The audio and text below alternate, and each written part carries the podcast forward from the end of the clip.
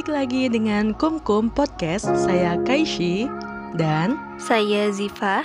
kami akan ngobrol santai dengan narasumber kami, yaitu Kak Lila Is. Waalaikumsalam. Lila adalah penggiat pendidikan nonformal di Indonesia dengan pengalaman bertahun-tahun di lembaga pendidikan nonformal. Yuk kita sapa Lila. Halo Lila. Halo.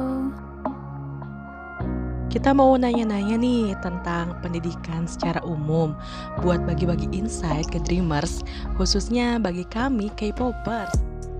Boleh di-share kira-kira kondisi pendidikan di zaman ini, di zaman sekarang nih, hubungan dengan pengaruh Korean Wave apa ya? Oke.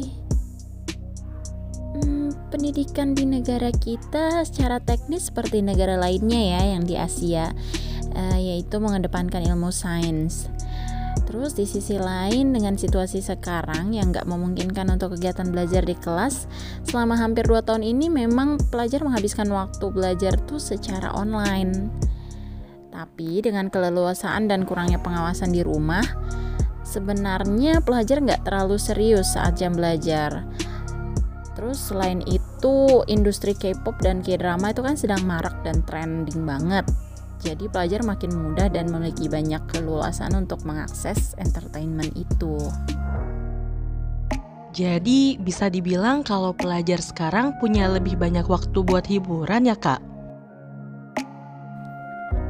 Iya, akses yang berlebihan itu kan mempengaruhi siklus belajar ya, yang tadinya efektif dilakukan di sekolah tanpa bisa megang handphone, tapi sekarang jadi bisa sambil zoom sambil scroll HP. Wah, Sambi ya.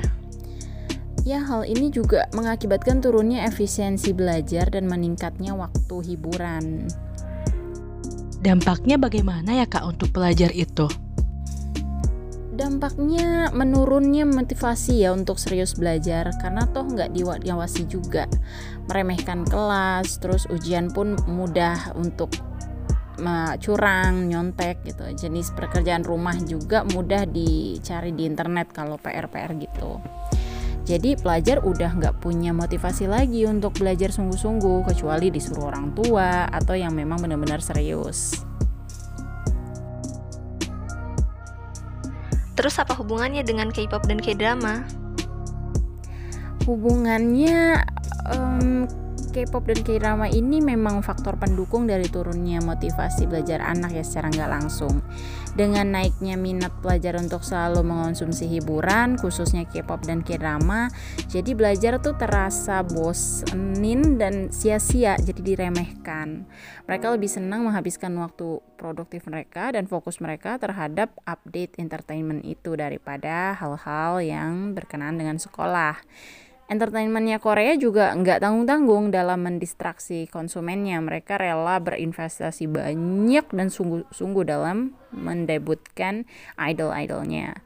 Serta mereka juga merilis film-film best selling gitu ya, dan drama yang berseri, panjang, dan terus membuat konsumennya tuh haus akan hiburan, penasaran, halu, rela menghabiskan waktu, energi, dan perasaannya mereka.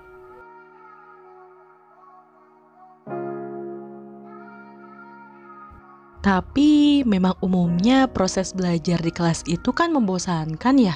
Lebih seru nonton sih fangirlingan, kayak waveran atau role player gitu kak. Betul.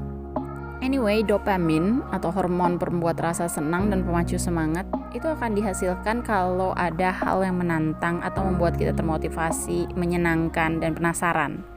Nah, tujuan utama dari hiburan ini kan memacu dopamin ini, membuat konsumennya senang sehingga akan terus mengonsumsi, membayar, membeli, menghabiskan uang dan waktu mereka di hiburan. Di mana kita sadarkan yang berlebihan dan tidak itu tidak baik, apalagi hal yang nggak bermanfaat, bahkan sebenarnya merugikan atau buruk untuk kita.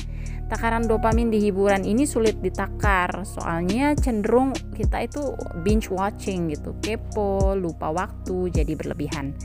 Sedangkan proses belajar itu sebenarnya bisa aja sih dibuat menyenangkan dengan atmosfer yang berbeda, tapi butuh usaha dari khususnya pihak pendidik, sekolah, maupun orang tua atau pelajar itu sendiri.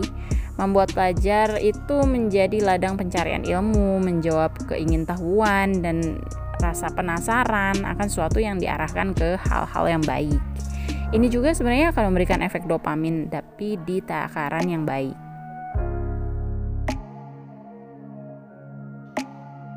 Lalu gimana agar bisa menghalau Korean Wave ini dan meningkatkan motivasi belajar? Menurut saya uh, langkah yang bisa dilakukan oleh pelajar sendiri dan orang tua itu sederhana tapi emang agak sulit. Harus teguh dan disiplin, yakni misalnya mengurangi konsumsi hiburan secara besar-besaran, alihkan dengan kegiatan outdoor, misalnya olahraga, kegiatan keluarga.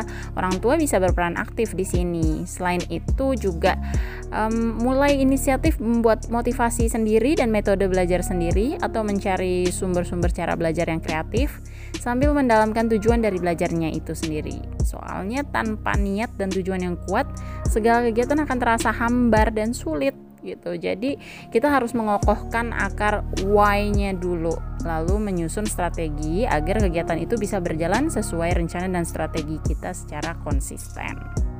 Orang tua di rumah juga berperan besar loh bagi kesuksesan anak belajar di zaman sekarang ini. Soalnya pelajar pun sejatinya tuh lebih baik mulai menyadari bahwa, ada bahaya yang akan timbul di kemudian hari kalau menyepelekan masalah ini. Oh, jadi kerjasama antara orang tua dan pelajar ya kak?